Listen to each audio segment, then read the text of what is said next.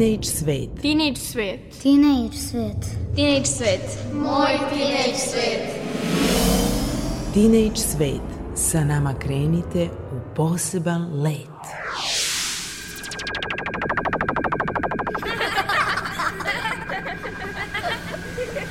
Kreativan dečji svet. Moj teenage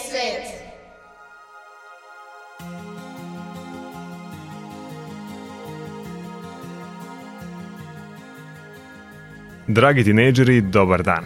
Nadam se da kvalitetno provodite letnji raspust i da niste zaboravili da upravo počinje Teenage svet. Ja sam Nikola Rausavljević i družit ću se sa vama u narednih pola sata. Govorit ćemo u emisiji o književnim konkursima koji nam stižu iz Bečeja. Slušat ćemo zanimljivu muziku, a tu su i naše stalne rubrike koje će vas podsjetiti na dešavanja u stripu, jeziku, ali i informacionim tehnologijama. Ostanite sa nama. Nakon prve muzičke pauze sledi priča iz Bečeja.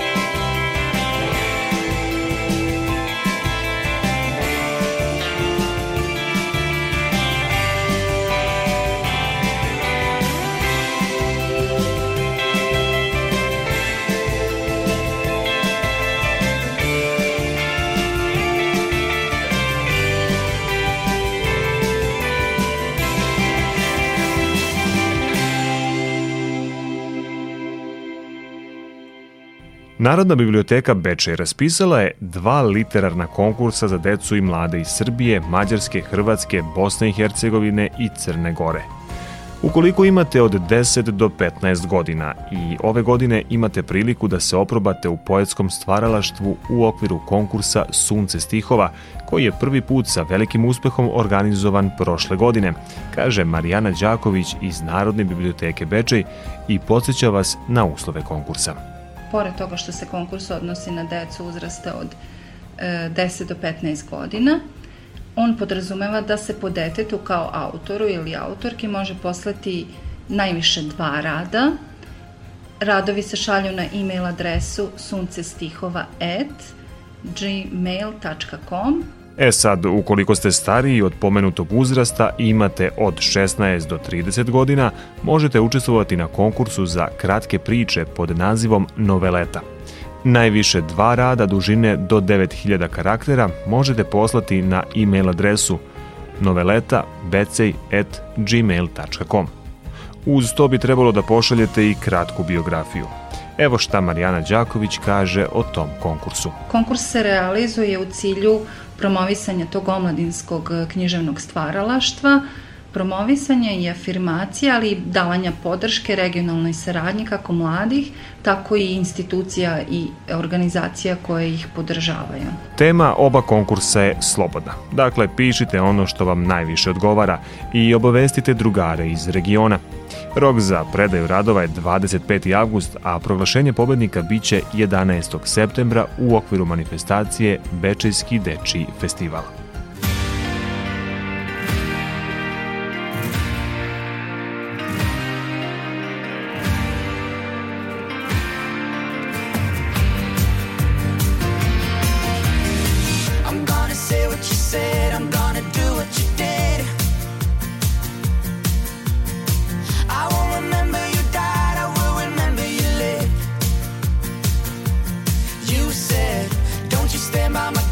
don't you stand there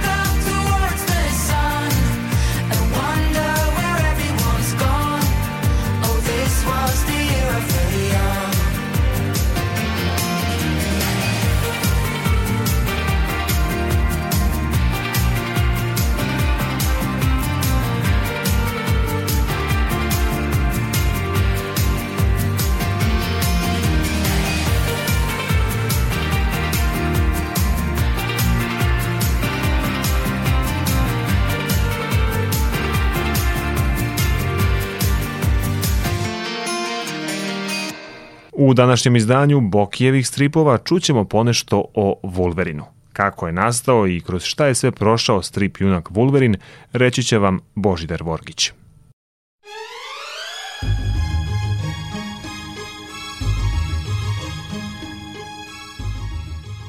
Bokijevi stripovi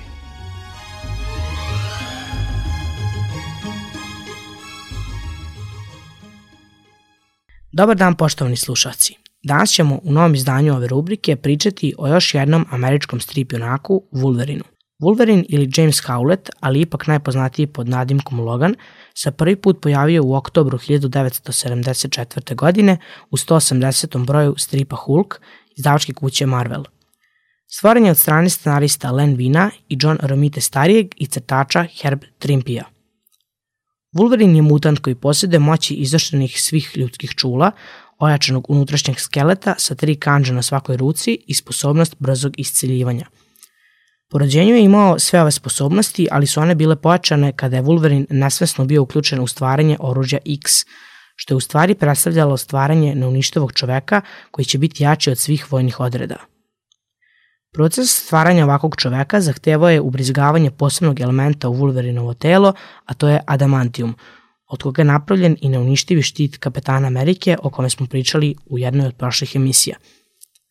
Pošto je ubrizgavanje ove substance u ljudsko telo pogubno po skoro svakog čoveka, Wolverine je u početku bio polumrtav, ali je ipak uspeo da preživi uz pomoć svoje moći brzog isceljivanja. Ipak, posle ove operacije, Wolverine je izgubio pamćenje, ali su u narednim epizodama polako počeo prisjećati svog života.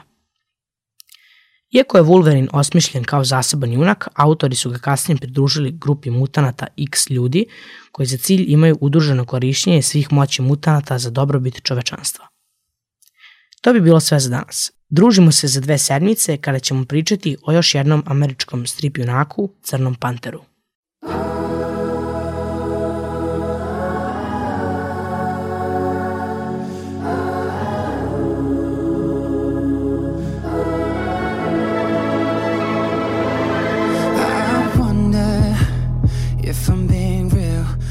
Speak my truth or do I filter how I feel? I wonder, wouldn't it be nice to live inside a world that isn't black and white? I wonder what it's like to be my friends. Hope that they don't think I'll forget about them. I wonder, I wonder. Right before I close my eyes, the only thing that's on you feel it too. I wonder what it's like to be loved by you. Yeah, I wonder what it's like. I wonder what it's like to be loved by you why I'm so afraid of saying something wrong I never said I was a saint. I wonder I cry into my hands, I'm conditioned to feel like it makes me less of a man. And I wonder if someday you'll be by my side and tell me that the world will end up alright. I wonder. I wonder right before I close my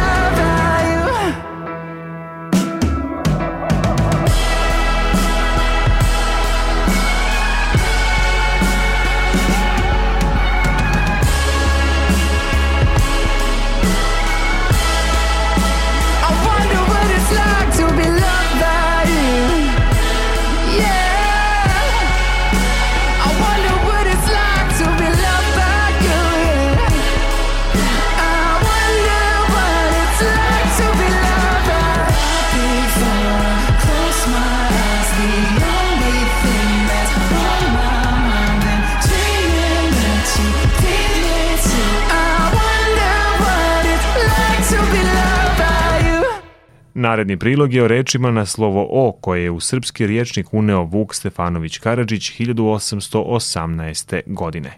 Priprema Emsura Hamzić Sladoje. Prva reč o kojoj ćemo danas reći nešto više je obraz. Ona je u upotrebi i danas i to i u bukvalnom i u prenesenom značenju. Verovatno svi znamo da je obraz deo lica, ali pretpostavljamo da takođe svi znaju i značenje reči bezobrazan. Dakle, to svakako nije neko ko bukvalno nema deo lica, nego neko ko nema odgoja, vaspitanja i ko je izgubio moralne norme, bestidan. Primjeri koje Vuk navodi u riječniku su nema obraza, ako ti može obraz podnijeti, to jest ako te nije stid, crn ti obraz, u značenju obrukao si se. U ciganke crn obraz, ali puna torba. Obraza nema više nego dva prsta. Završit ćemo jednom izrekom koja kaže Sve za obraz, obraz ni za šta. Sljedeća reč je odbiti.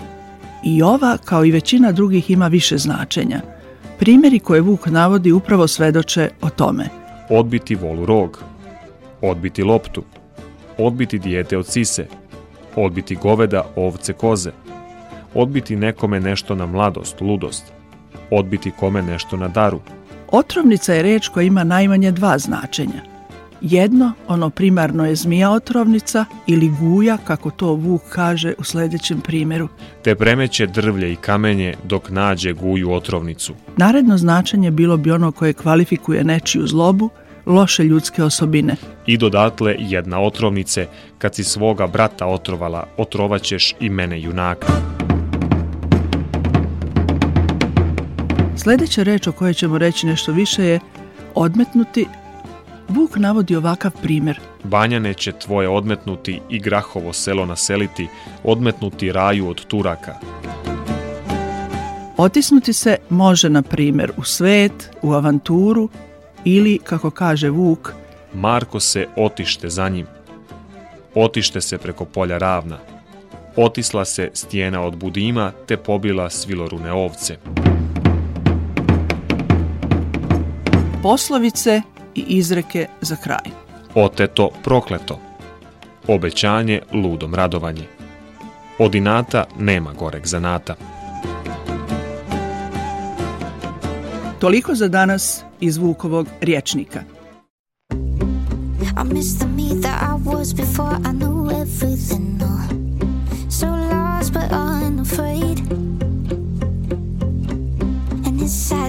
Myself stop believing in who I am. Oh no. How the hell did I get this way?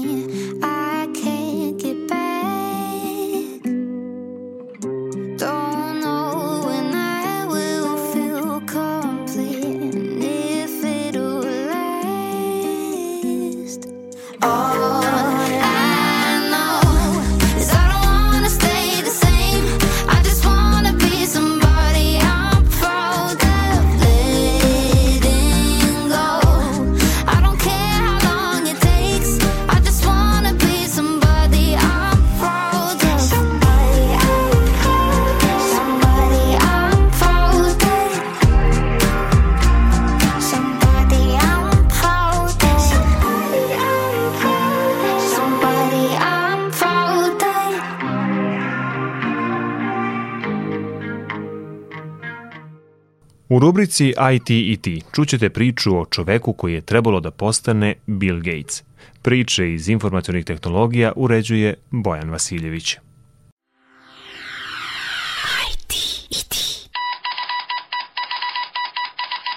Ovo je priča o čoveku koji je trebalo da postane Bill Gates.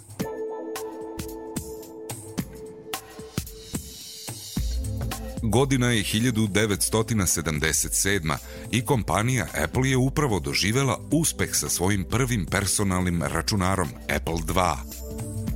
Bio je to prvi serijski proizveden personalni računar koji niste morali da sastavljate ručno. Industrija personalnih računara vredela je milijardu dolara samo tri godine nakon začetka. Prvi put kompjuter unapređuje produktivnost i to iz kućnih uslova.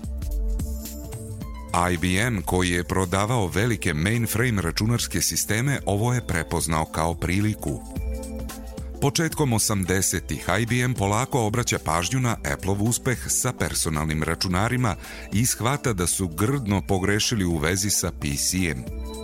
To više nije bila samo igračka za hobiste, već je zaista moglo da bude od koristi. Problem IBM-a je što su bili velika, inertna korporacija opterećena glomaznom birokratijom i veoma sporim donošenjem odluka. Trebale bi im godine da projektuju personalni računar. Kako bi to izveli u kratkom vremenskom roku, formirali su tajni, mali tim unutar kompanije sa zadatkom da projektuju poslovno orijentisan personalni računar. Kada su se dohvatili posla, doneta je odluka da koriste kupovne delove da bi ubrzali proces razvijanja PC-a, što je bilo veoma neobično za IBM da ne koristi sobstvene komponente. Ovaj metod, umesto da krenu od svakog prvog šrafa pa nadalje, omogućio je da imaju gotov proizvod za svega godinu dana. Jedino što je sada nedostajalo je softver – IBM-u je trebao operativni sistem. Ali koji operativni sistem? S obzirom na to da je IBM gigant, počinje bitka za operativni sistem koji će prevladati sve. IBM je ponudio Microsoftu da napravi operativni sistem. Pre i jedne reči o projektu, IBM je tražio od Billa Gatesa, kog su pomešali sa svojim stažistom, da potpiše prećutnu saglasnost o projektu i da nikome ne sme ni reč da otkrije. Kada je čuo plan, Gates je pomenuo da nema operativni sistem i predložio IBM-u Garija Kildala, koji je uprko svojoj opuštenosti i skromnosti već napravio programski jezik za Intelov prvi procesor još deceniju pre toga – Kontrolni program za mikroračunare ili CPM. To je praktično bio prvi operativni sistem za PC računare. Pre toga, svaki računar je morao da ima posebno napravljen operativni sistem samo za tu jedinicu. CPM je omogućavao da isti softver funkcioniše na različitim računarima. Skromni Gary Kildall nije se interesovao za posao, to je uradio iz hobija, ali ga je njegova supruga Dorothy ubedila da pokrene biznis i počne da naplaćuje licencu. Na predlog Billa Gatesa, IBM hitno šalje ljude da se nađu sa Garijem Kildalom u Sijetlu. Bill poziva Garija da ga upozori da će neko veoma važan doći da ga poseti, jer zbog prećutne saglasnosti nije smeo da otkriva ništa. Primi ih lepo, to su važni momci, rekao je.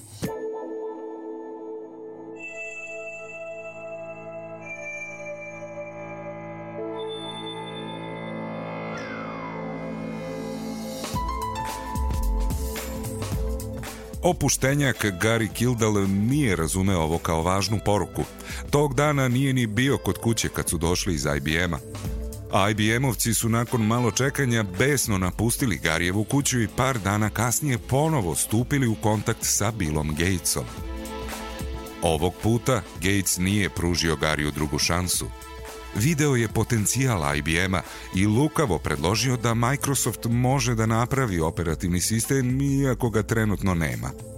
Tako što su ga kupili od jedne male firme za 75.000 dolara – U imenu ovaj operativni sistem sadržao je reč prljavi, jer je u osnovi sistema bio kod koji je u stvari pokraden iz izvornog koda CPM-a, operativnog sistema koji je napravio Gary Kildall i preimenovali u MS-DOS. Svaki naredni IBM PC išao je uz MS-DOS, što je učinilo da danas svi znamo za Billa Gatesa, a ne za Garija Kildala.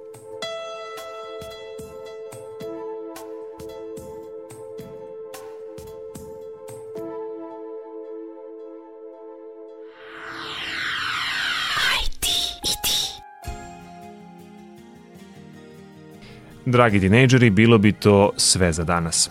U nastavku sledi program za decu i emisija Dušana Krstića Kad si dete, misli lete. Do narednog slušanja pišite nam na e-mail adresu rns.tsvet.gmail.com. Ako želite ponovo da poslušate emisiju, to možete učiniti na sajtu rtv.rs u odeljku Odloženo slušanje. U realizaciji današnje emisije učestvovali su Božidar Vorgić, Emsura Hamzić Sladoje i Bojan Vasiljević. Autor emisije je Mirena Petrušić, muzički urednik Maja Tomas. Emisiju priredio, vodio i tonski ubličio Nikola Rausavljević. Čujemo se ponovo za dve nedelje, a do tad ne zaboravite, svet oko vas je onakav kakvim ga vi učinite.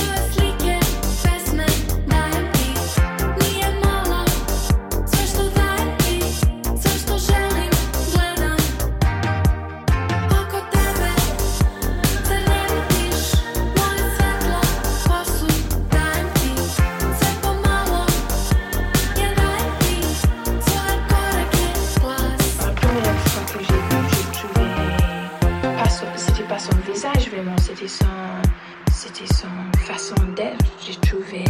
Elle a un visage ingrat, je sais pas, à qui il devrait une reconnaissance. Je m'habitue. Parfois, je...